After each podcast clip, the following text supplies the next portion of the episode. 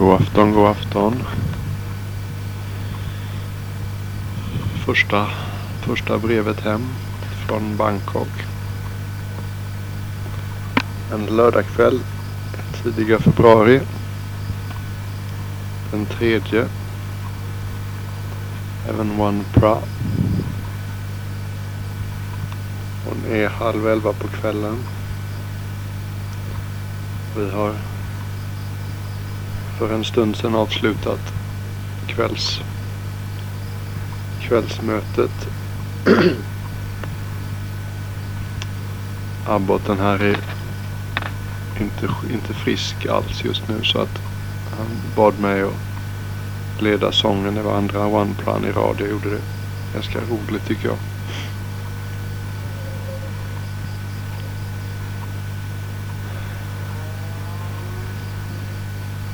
Ni hör säkert stadens ljud lite grann i bakgrunden men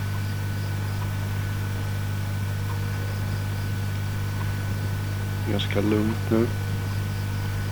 Lördag kväll verkar inte vara någon stor omtumlande variant i den här delen av stan. Jag har varit här i ja, sedan den 18 januari så det är drygt två veckor.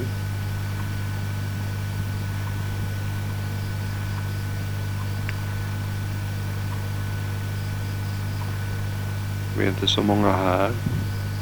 Jag sitter nästintill abboten just nu. Förutom när det är gäster här.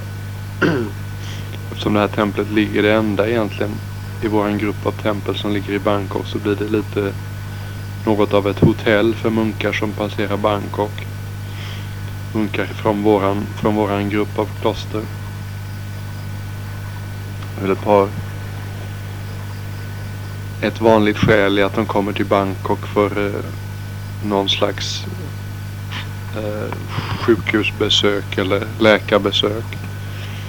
Det finns en del duktiga akupunktörer och massörer i Bangkok som lämnar inbjudan till våra munkar och säger att om det är någon som behöver det så behandlar jag er gratis.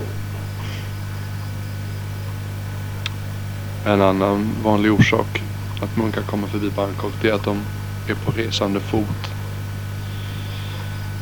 Säg att de kommer in med nattbussen och hamnar här på morgonen. Då kan de komma hit och få ett mål och vila sig en dag om de vill innan de fortsätter söderut eller vart de nu ska. Och munkar som ska resa utomlands. Det jag vet inte hur säsongsbetonat det är men det är ganska vanligt att munkar någon gång under sitt liv gör en resa till Indien och besöker de fyra heliga platserna. Där Buddhan föddes, vilket ligger i södra delen av vad som idag är Nepal. Och eh, platsen där han nådde full upplysning. Ligger i, de andra tre platserna ligger allihopa i delstaten Bihar i norra Indien. En väldigt fattig och laglös och korrupt stat idag. Och platsen där han dog.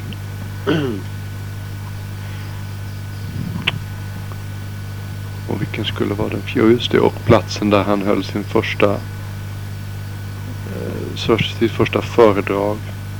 Det är då djurparken eller rådjursparken i Benares. Som jag har pratat om innan.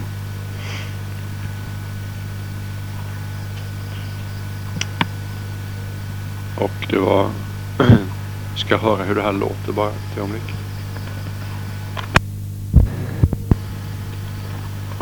Ja, det låter ju okej. Okay. Man är inte så van vid det som munk att man får tala tyst därför att grannarna på andra sidan muren här kanske ligger och sover. På något sätt så brukar man inte behöva hyscha omkring för lekmän som bor i sina egna hus i vanliga fall. Men de är inte långt borta.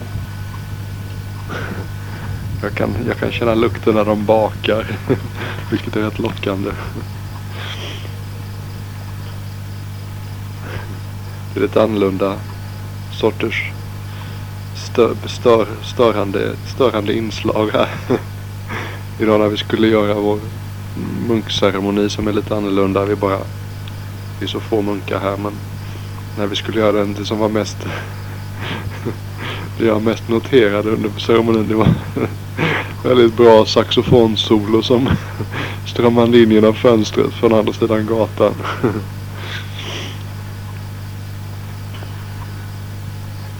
I alla fall. Plus att abboten eh,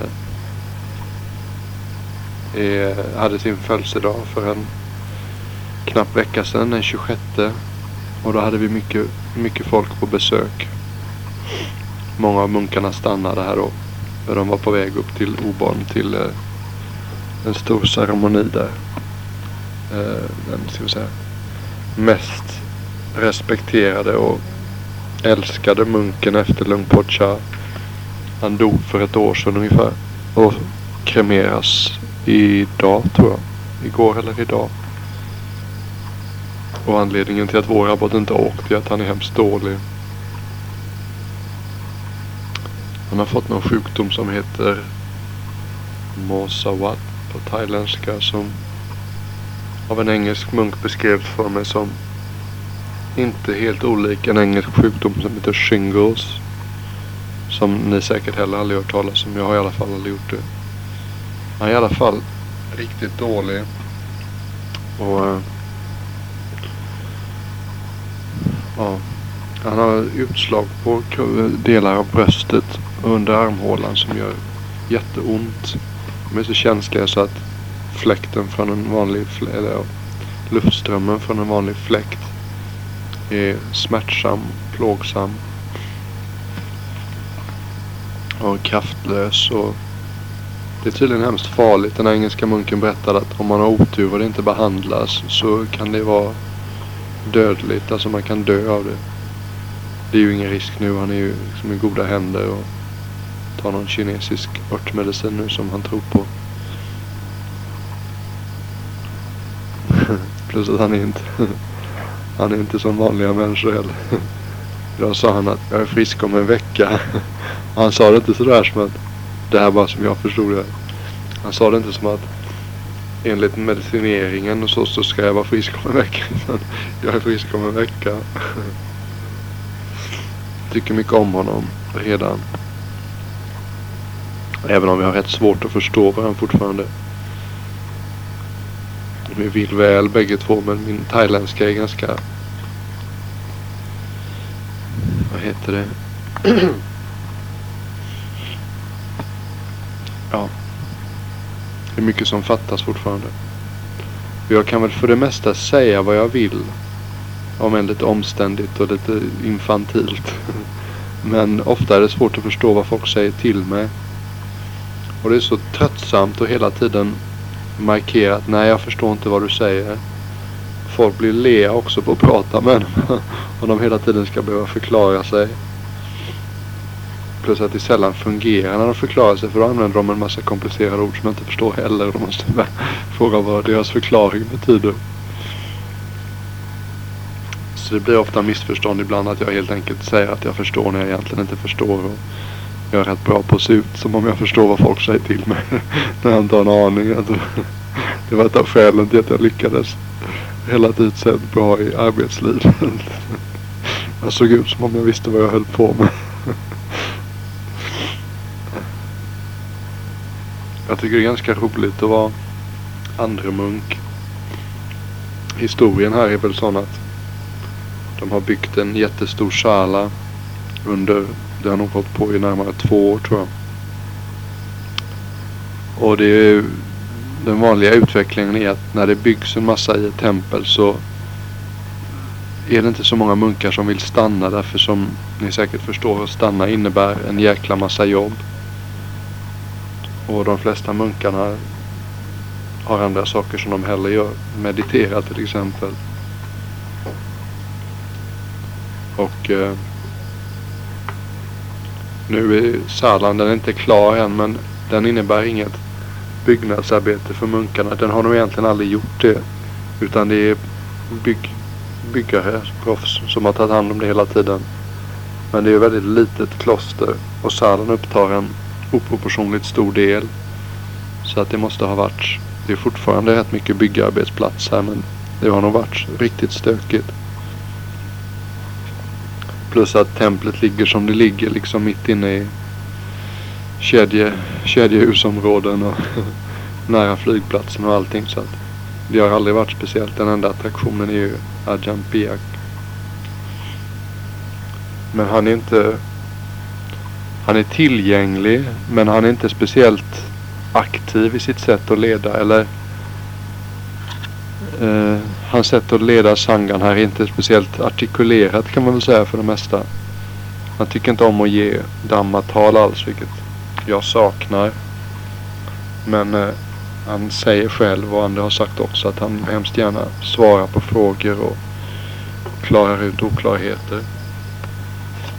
Och jag har inte känt riktigt att jag har haft så mycket vettigt att komma med eller har varit annat på gång mycket också. Så att, men det ska jag göra en poäng eller make a point av.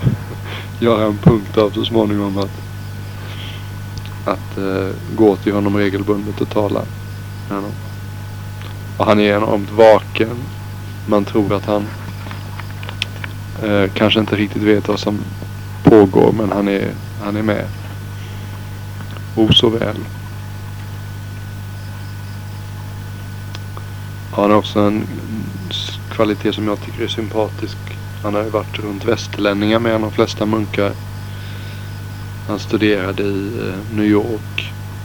Jag vet inte om det var ett eller flera år. Var nästan klar med en ingenjörsexamen. Men hans intresse för meditation tog över handen och han avslutade inte studierna. Men han i alla fall, han har liksom inga, inga bekymmer med att peka ut saker för folk. Och så att han, han säger till en när man är ute och cyklar. För det är så lätt att bli lite paranoid när man kommer som västlänning till ett thailändskt tempel. Och det är lite annorlunda. Alla tempel har sina liksom, skrivna och oskrivna regler och hur saker och ting görs och vad som anses okej okay och vad som inte anses okej. Okay. Men om man vet att det pekas ut för när man gör övertramp så är det mycket lättare att slappna av och, och lita på att allting är som det ska.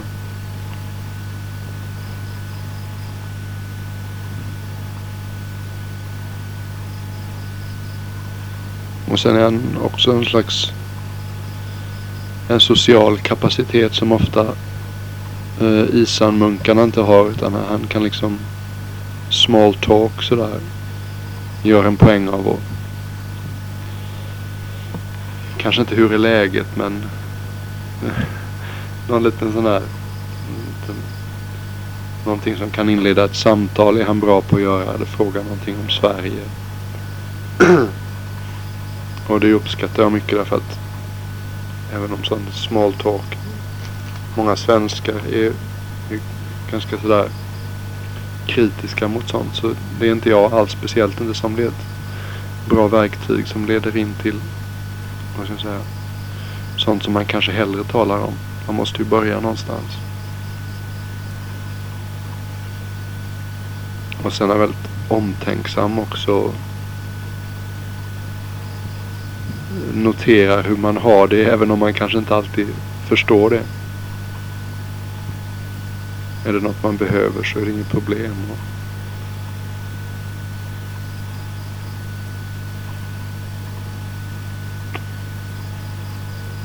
Jag känner, utan att ha kommit honom speciellt nära än, så känner jag att det är någon, vad var det? någon amerikansk president som kom tillbaks efter att ha mött Boris Jeltsin, eller var Gorbatjev var det nog för många år sedan. Som sa That is a man you can do business with. om, jag, om vi var affärsmän så skulle jag säga att Jan Piek is a man you can do business with.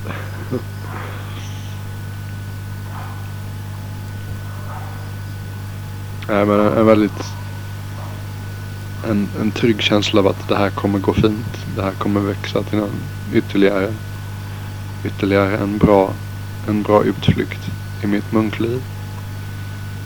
Mycket hittills i alla fall mycket mindre jag vill säga mycket mildare mot i själen eller icke-själen som vi har i buddhism. än vad tiden innan mjön var. Bangkok-folk är lite mer sofistikerade och inte lika... Sen om det är rå diamanter i isen så är de lite mer slipade diamanter här i Bangkok.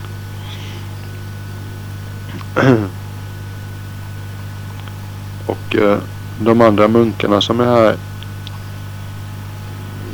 är eh, bara två stycken så vi är bara fyra.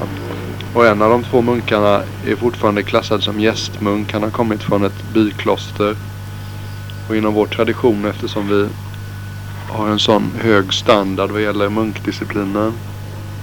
Så munkar som kommer från andra traditioner vars munkdisciplin vi inte litar på. De får leva under, eh, ska vi säga, speciella lite förödmjukande villkor i ett par månader. Eh, för att bli testade, se, se att de kan, kan anpassa sig till våran standard innan de blir liksom upptagna som fullvärdiga medlemmar i sangan här. Och gästmunken har då varit munk i två och ett halvt år tror jag. Han är 28 år. Mycket intelligent. Bok, boklig typ. Eh, men inte bara, för han har gjort en hel del eh, aikido som mer och mer framstår när man får höra om folk som har gjort det och vad det innebär som en väldigt ska vi säga, hälsosam sport. Han eh, är utbildad veterinär, har jobbat i två år som veterinär innan han lät ordinera sig. Han är väldigt tålmodig och artig. Vänlig och hjälpsam och tar sig tid att förklara saker och ting när man frågar om vad ord betyder eller kulturella yttringar. Som om han faktiskt just då var väldigt intresserad av att jag ska förstå, vilket jag tycker om. Sen har vi ofta liknande sinne för humor. Och det är en välsignelse för det är rätt sällan tycker jag som Dels beroende på språket men, men andra saker också som jag Det är sällan som jag känner att thailändare har samma humor som jag. Men med honom så fungerar det det ofta som vi skrattar åt samma saker. Han heter Tanwisit. Och sen är det Tan Abichar som är 26. Och som är studerad till eh, syster, vad heter det på svenska? Sjuksyster. Oh. Ni vet vad jag menar men det, det borde jag komma ihåg. Vad heter det? Syster kan det inte bara heta. Han studerar till sjuksyster. Ja, ja, ni vet vad. Han är som sagt 26. Och han är en, eh, han är korttidsordinand. Han eh, låter ordinera sig i fyra månader. Och han är väldigt energisk. Och eh, mer, ska vi säga, säg tävlingsorienterad kanske. Känns mycket mindre mogen än Tanwisit. Han är också väldigt duktig. Han är tills jag kom har han varit abbotens, eller ja. Han är liksom han är den som känner till mest av oss. För Tanwisit kom bara någon vecka, tio dagar innan mig. Och Tanabichat har inte varit här så länge heller. Bara två månader. Men jämfört med oss så har han ju koll på läget. Plus att han är också kvick i huvudet och snappar upp saker fort. Så att han har liksom fått ett bra grepp på läget här i klostret. Eftersom vi har en hel del, som jag berättade, munkar. Ofta ganska seniora munkar som kommer förbi och bor här en kort period. Så är det ett speciellt inslag i arbetssidan av det här klostret. Och förbereda för sådana munkar innan de kommer. Och ta väl hand om dem när de är här. Och se till att de kommer iväg på ett bra sätt också.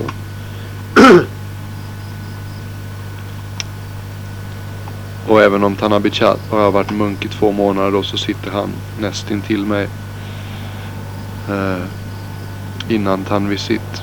Som då har varit munk längre. Men Tanvisit får sitta sist tills dess att han så att säga accepteras och tas upp av oss. Och det innebär också att han inte sitter med oss när vi gör Patimoka, den här munkrecitationen varannan vecka. Här hör ni flygplanet. Det är en sån här en riktigt klyschig italiensk opera fullmåne ikväll. en gul och tung stor fullmåne. Men det är väl inte för att det är väl mest för att den är nära horisonten, var nära horisonten när jag gick in. Så den är stor och gul. Den är fin i alla fall. Och eh, Sultan Abidjad. Han, eh, han ger upp munklivet sista mars. Och då kommer en av våra supporters son kommer hit och ska korttidsordinera sig för två månader. Han eh, läser till ingenjör och har bott i London i två månader så det låter som om någon som också kan hjälpa mig med språket lite grann. Bara han inte är för keen på engelska. Det kan vara ett, eh, ett stör. Det kan vara ganska irriterande när det är någon munk som hela tiden ska vill lära sig engelska. Det verkar lite själviskt, eller är det väl på sätt och vis. Jag vill att alla ska hjälpa mig med thailändska men jag vill inte ägna för mycket tid åt någon som... Ja, det vill man väl egentligen om det är någon som är allvarligt intresserad och faktiskt plockar upp och lär sig. Men vissa bara munkar bara liksom, vad heter det på engelska, vad heter det på engelska? Sen nästa dag har de inte en aning om vad de sagt. Jag har sytt en speciell ficka på mina, vad ska vi kalla det, mina munkskjortor. Där jag har en liten anteckningsbok och en liten penna. För jag märkte att när man hör saker som man inte förstår eller när de förklarar något för en så är det lätt att man mm, jaha. Och så går det in en stund och sen försvinner det. Så man får liksom skriva upp det och sen gå in och kolla hur det stavas i uppslagsböckerna och så repetera det. Ett par gånger så sitter det bättre. Och sen försöka använda det så fort det uppstår en möjlighet. Det är den här speciella kinken med tonerna i thailändska. Att om man inte får tonen rätt, och det får man inte om man inte snart efter man har plockat upp bordet..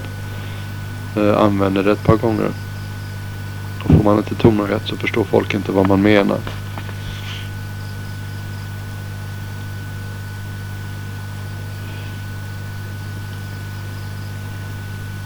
Och det är ju också angående då sangan här så är det väldigt behagligt för mig jämfört med Agent Banjongs kloster så såg ni ju hur många munkar det var där.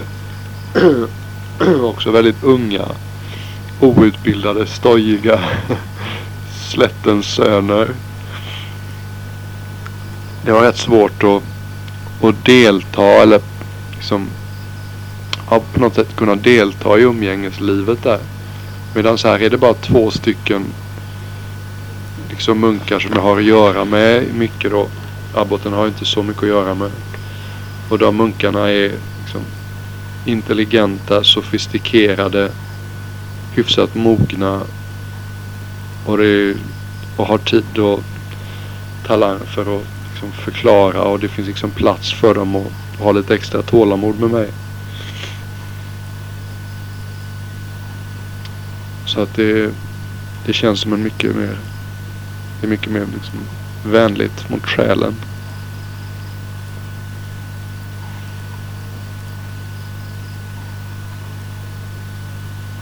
Jag tror inte man kan överskatta abortens betydelse för, för platsen. Man undrar varför är, varför är så fridfullt?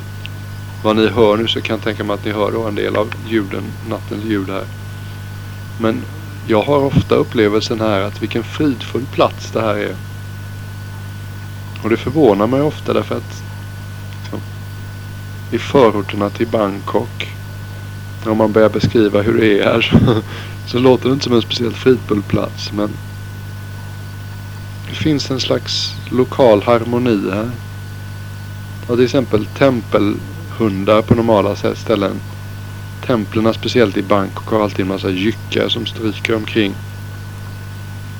Och de har alltid manges, vad heter det, mange, en slags hemsk hudsjukdom som gör att de ser ut som någon har rakat dem lite sporadiskt på vissa delar av kroppen. Och så skäller de en massa och så är de osams hela tiden och så bråkar de om allting. Men här är lite idyllien. Har två stycken stora, riktigt ser ut som en slags något mildare än dobermannpinscher och så är de gråa istället för brunsvarta. De är hur fina som helst, tysta och tuffa mot alla som kommer in i templet som inte ser ut som de var hemma här. och så har vi en jättesöt valp som är ganska stor och hårig och svartvit och hans, en av hans föräldrar, vad det nu är. De sköter sig utmärkt. Väldigt jag säga, väl, välartade hundar. Alla har gott om hår och på det hela taget skötsamma ungdomar. och sen har vi eh, katter en hel del. Men de är inte speciellt störande heller. En av dem har gjort min, min, min, vad ska man kalla det? Min altan till sitt hem. Jag har aldrig varit mycket för katter och en del av dem är väl inte sådär oerhört vackra här heller men de är helt okej. Okay. Och eh, jag menar det är eftersom det då ligger i de delarna av Bangkok som blir översvämmade så har de mycket så har de mycket arbete att göra här. Eh. Fundamenten, grundfundamenten till flera kuttis har fallit på sned efter förra årets, förra regnperiodens översvämningar. Så man måste liksom lyfta upp och stödja dem på nytt med nya gjut, gjuterier, nya cementpålar. Och det innebär att det är en del arbete här. Liksom 10-12 arbetare som är här dagligen. Plus att salladen inte är klar. Jag ska softa lite och lägga mig ner. Åh jäklar.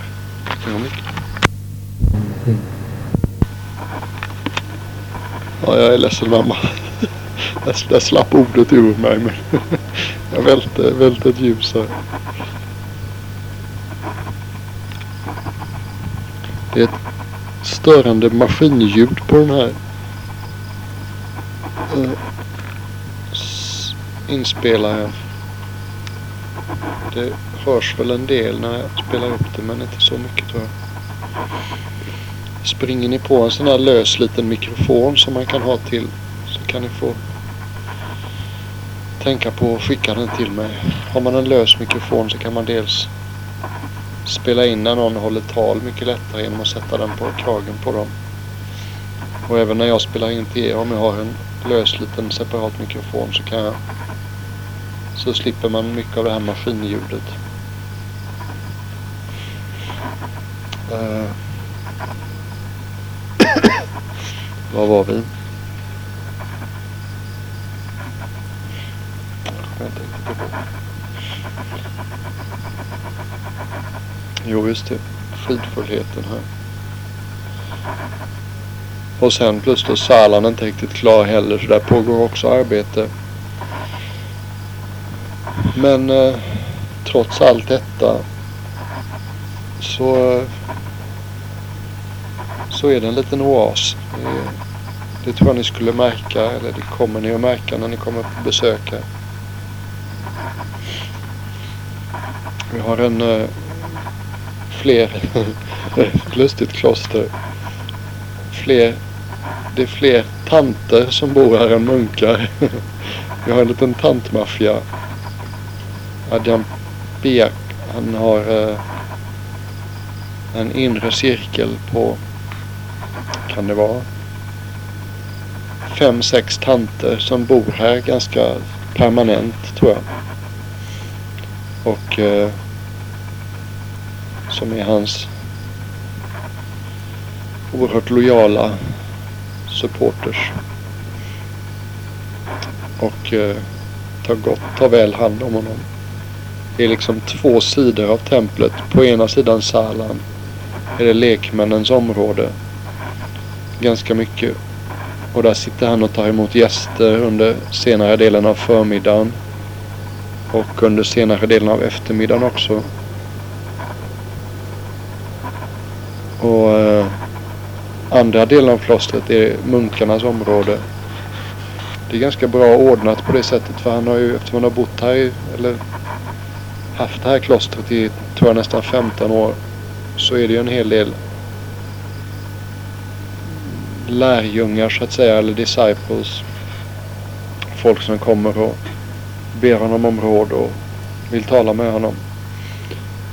Och eh, genom att vi håller till på andra sidan Salan så, så, så inkräktar det inte mycket på vår dagliga rytm utan vi har väldigt lite med lekmän att göra. Det är som på Nana, det är mycket mindre än Nana Chat egentligen. Måltiden är Eftersom det här är storstad då så är det väldigt helgorienterat. Lördag, söndag är det liksom mångfaldigt mycket mer folk och mer mat än, än eh, vanliga dagar. Allmoserundan är typisk Bangkok-stil att man, man hinner knappt man hinner knappt ta sig ut på gatorna innan ens skål är full.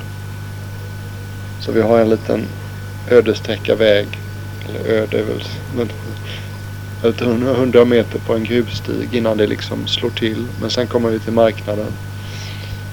Och då har vi, då har vi en, eh, en supporter som kommer varje dag med sin bil. Som har fullt med plasthinkar i baksätet, eller i bakluckan. Som tömmer våra skålar helt enkelt var, nästan var hundrade meter. Och jag går med Abboten. En väldigt snabb affär. Vi går ut med en marknad fram och tillbaka på en väg egentligen. Tillbaks här i templet 40 minuter eller någonting normal dag. Och har fått skålarna fulla många, många gånger och tömt det då i den här supportens hinkar i bakluckan. Och det är ungefär samma människor som ger mat varje dag. Många ger bara till helgen eller på One Proud. Och andra så ett järngäng som är varje dag. Det är ett, längst bort på allmosen är det ett gäng grymt charmiga tanter. De riktiga. Skulle kunna vara med i Muppet Show eller någonting. Det är fem, sex tanter. Som, som står och små, småkäbblar med varandra. Sen när vi kommer har de väldigt mycket kommentarer och frågar och kommenterar och skojar. Och den här stackars Jom Opatak, den här supporten som kommer med bilen. Ibland är han lite sen. Men han kan ju fastna i trafiken eller ha ett barn som blir sjukt. Det är mycket som kan hända. Men om han inte kommer så är vi lite... Har vi lite då har vi problem eftersom vi väldigt snabbt får våra skålar fulla. Då får man be om plastpåsar och sådär för att man vill inte man vill ge alla möjligheter att ge som vill ge. Folk blir väldigt besvikna om man säger att tyvärr jag kan inte bära mer så jag kan inte ta emot dina gåvor.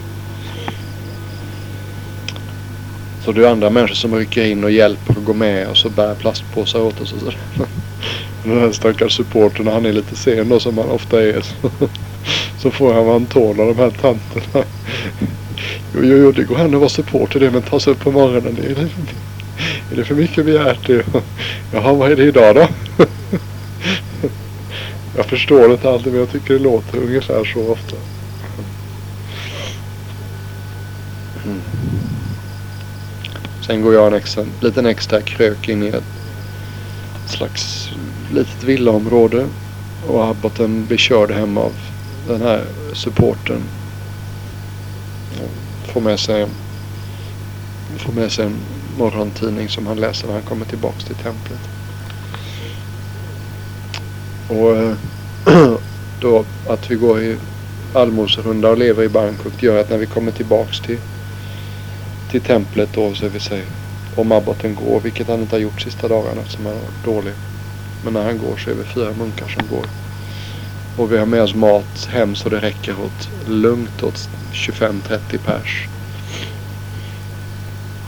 Och ovanpå den maten då så lagar jag alltid de här den inre cirkeln av kvinnor som bor här i templet. De lagar alltid något gott i köket.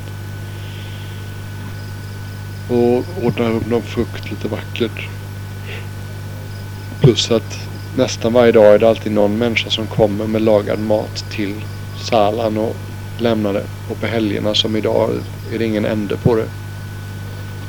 Jag tror att det var väl över hundra maträtter som passerade mig idag. Och det är ingen måtta på, på liksom utbudet heller. Det är inte bara blaha blaha. Utan det är verkligen delikatesser av alla de slag. Massa olika... Det, jag har aldrig varit på någon restaurang någonsin som serverar så bra mat som de gör på det här stället. Och det, för mig så jag har märkt att det som är jag mår bra av det är att äta väldigt mycket frukt. Och jag äter ätit många frukter sedan jag kom hit som jag aldrig har sett förut. Och det är alltid minst 7, 8, 9 sorters frukt att välja på. Mycket frukt som man aldrig ens drömde om i, i Isan. Äpplen varje dag och vindruvor varje dag. Kiwijuice och päronjuice och persikojuice och druvjuice och och mina favoritfrukter då durian och mango. De håller på att komma in i säsong nu som har dykt upp några fåtal gånger under helgerna. Men blir, blir allt vanligare.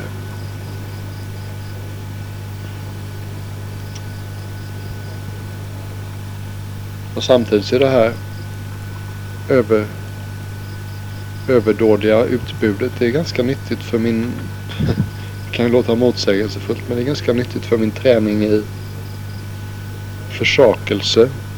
För man blir på något sätt... Det blir för mycket. Jag vet att hur mycket delikatesser det än kommer med sofistikerade krabb, grillade krabbor fyllda med allehanda delikatesser. Och det är liksom, som ni vet, thailändare är väldigt raffinerade och sensuella Och har en god känsla för att lägga upp saker vackert så att det är liksom en överdåd av överdos av lukter och synintryck och smaker. Och hur mycket det än är så är det inte mer än att jag kan bara äta eh, en viss mängd. Och äter jag för mycket så mår jag bara dåligt av det. Så det är väldigt, det är inte så mycket liksom. It's just that much.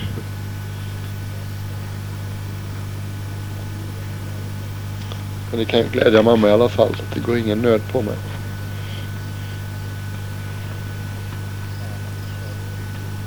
Salan i sig är väl ungefär som jag beskrev den i tidigare band. En stor pjäs, tre våningar med massor av marmor och pelare och fönsterglas med sådana här rökt, rökta som det heter på engelska. Eller mörka fönsterglas. Och, eh, och myggnät. Men jag är inte sådär hemskt imponerad. Inte speciellt vacker. Och luften blir fort dålig där inne. Och de är, det är mycket jobb med att hålla, underhålla en sån sala. Så att vi är inte så himla pigga på att det ska blåsa in massa damm hela tiden varje dag. Vilket det gör i Bangkok. Det är mycket damm i luften. Jag märker det på min egen hydda. Jag får liksom hålla den rent varje dag annars blir det snabbt dammigt här. Men att man håller den stängd mycket så här gör att luften är inte så bra där alltid. Ja, den är väl bra på nedersta våningen där. Det är ganska svalt och vi har fläktarna på, går in och ut mycket men på mellanvåningen där det inte är mycket så rörelse blir det snabbt ganska kval, kvalt. Och toppvåningen som är minst inte klar. Men det är inte som jag trodde att det skulle bli platsen där jag liksom gör min mesta meditation. Utan jag har märkt ändå att det, det är inte It's not a place to hang out så himla mycket. Min hydda är... Det Det är ganska lustigt då trots det här överdådet som jag berättar om med, med, med mat och den stora flotta salen. Så hyddorna är, för munkarna är väldigt enkla. Jag menar, ja, det är ju lite annorlunda än i, än i Nanachat för det är inte... Den är liten, den är mindre än någon hydda jag bott i Nanachat. Och äh, gammalt skräpigt myggnät med massa hål i och sånt här fönsterglas som man kan ställa på sniskan för att luften ska komma in. Som också är gammalt.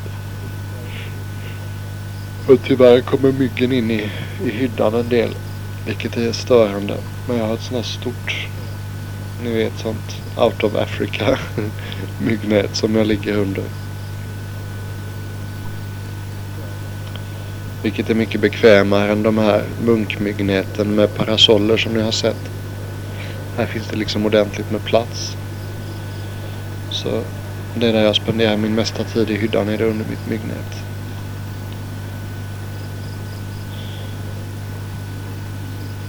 Jag har haft en... Eh, sen jag kom hit har jag haft en väldigt produktiv period. Haft mycket energi och jag väntade mig att skulle, i första dagarna var lite slak för det är mycket varmare här inne i isen. Och isen hade varit svalt, kallt till och med ibland. Och det ger mycket energi och man måste liksom hålla igång för att hålla uppe kroppsvärmen. Så första dagarna här så plattlandade jag. Heter det så? Plattlanda. Konstigt ord. Orden smakar så konstigt på svenska nu för tiden. Magplaskade jag. Jag vet inte vad det heter. Hur som helst. Men jag plockade snabbt upp energi igen och jag märker att jag jag har, liksom, har plats för att hålla igång ganska mycket. Jag har varit hyfsat duktig med att studera thailändska och hyfsat regelbunden med, med att göra lite kroppsträning och meditationen har gått bättre än den har gjort på länge. Känt att det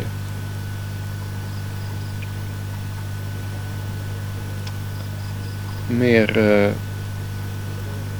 självförtroende vad gäller meditationen jag haft innan någon gång.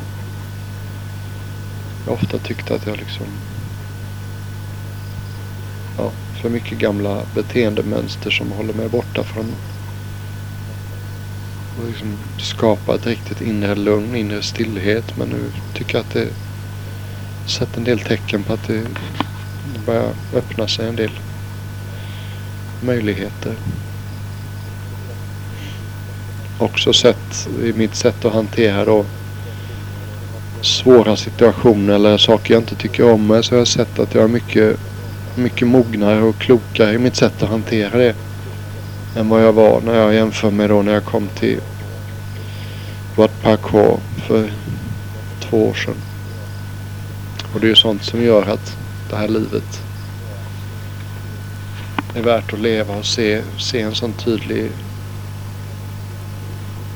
reduktion av okunnighet och bristande talang. Förnöjsamhet dyker upp allt oftare, allt mer. Jag bara vara tillfreds med det jag gör och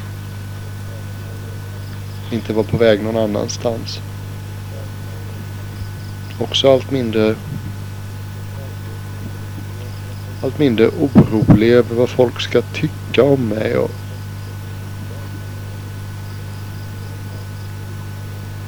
allt mindre orolig över att inte vara up to measure liksom. Jag hittade en sak i Adjan Semedos hydda som jag tänkte jag kunde läsa för er. Det är väldigt kort men ibland så folk som inte mediterar undrar lite varför mediterar man? Det är en ganska rimlig fråga. I den summerades hydda så hittar jag bara en kort en A4-sida med lite olika orsaker till varför folk mediterar och vad som händer när man börjar skörda frukterna av meditation. Jag tyckte det var en väldigt bra sammanfattning. Dels För att jag tyckte jag kände igen mycket av det. Som saker som jag faktiskt har eh, uppskattat med, som kommer som resultat av meditation. Och andra saker som jag kanske inte har upptäckt så mycket än men som är attraktiva saker att tänka sig att man ska växa, sätt man kan växa på. Jag tror jag läser det på engelska för det är ganska enkel engelska. Uh, och ni ska känna till då att det är, det är ganska uppenbart när man börjar meditera att, att det är det stilla, det är det stillade sinnet som är, ska vi säga, sinnets naturliga tillstånd. Medan när det börjar röra på sig i sinnet, det är då det är då eh, här, det är på sätt och vis onaturligt. Och ett stilla sinne innebär inte total passivitet eller frånvaro eller trans utan en eh, mycket förhöjd och grundad närvarokänsla men det är ändå stilla inuti en. Det är ju hopplöst att förklara med ord hur som helst. These are some benefits which arise out of a mind abiding in its natural state.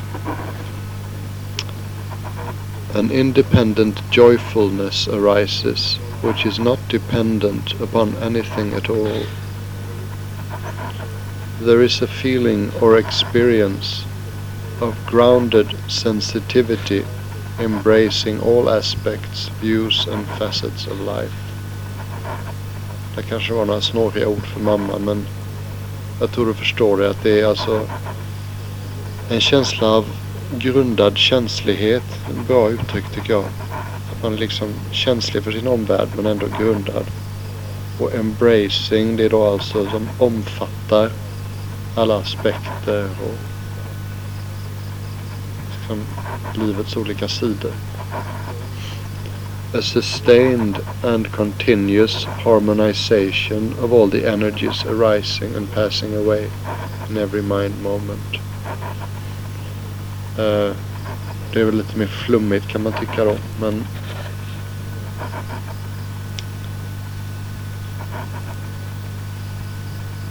jag tänkte jag ska kommentera det så mycket det. Det ni plockar upp, det plockar ni upp. A feeling of self-respect and confidence in acting for the good of others. Ja, det vill jag nog kommentera lite i alla fall. Det är ofta något som man, vad ska vi säga, ja, alltså självrespekt ökar ju då naturligt när man när man själv vet varför man gör saker och man vet att man gör dem för, rätta, för de rätta skälen. Och eftersom vi lär oss att hela tiden utveckla en mer och mer osjälvisk attityd i livet och göra saker och ting för andra och sätta andra för oss själva till och med. Eller det kan man väl egentligen inte göra men hur som helst att aldrig i alla fall agera på något sätt som är till skada för någon annan.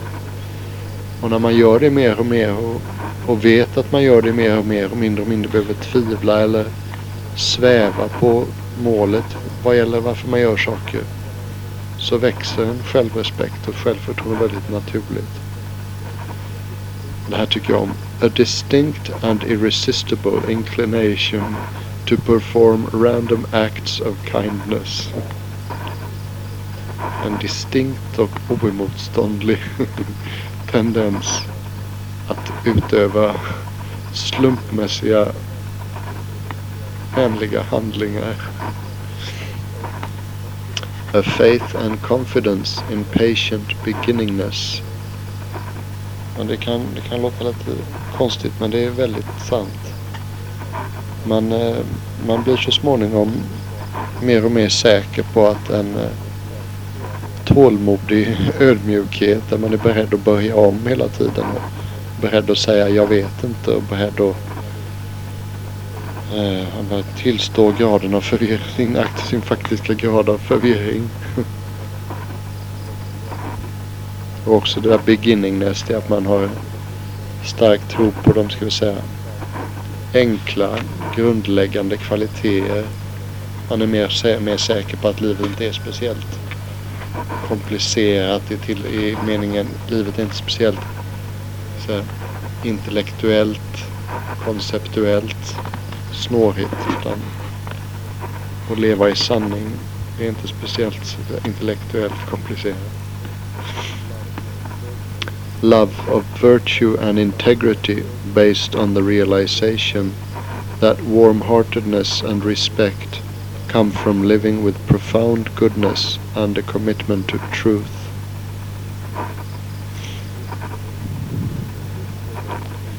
This pervades the universe in all directions and nurtures universe-wide compassion. Keen interest in cooperation and complementary relationships rather than competition. Där blir ofta tydligt att det är mycket det är mycket roligare att samarbeta än att tävla. Och det är kul att glädjas åt de goda sidorna som andra har som man själv inte har. Och vara tacksam över att de kan göra det istället för man själv. Det är inte en självklar kvalitet tycker jag ofta. Som min, säga, det, motsatsen till det är uppenbarligen avundsjuk över saker som andra är bra på. Man inte själv är så slug med. A sense of being aloof from both time and space. Det är, det är bara så. Det låter ju hopplöst. Som världsfrånvänt men det är det inte alls. Det är väldigt påtaglig kvalitet. Det här med space det är väl inte lika påtagligt kanske men tid att när man är väl förankrad i nuet så är man inte alls lika mycket slav under tiden utan det finns tid för allting.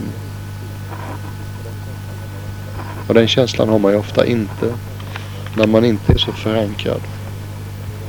Och förankrad är då någonting man blir av att meditera. A sense of being detached from both past and future.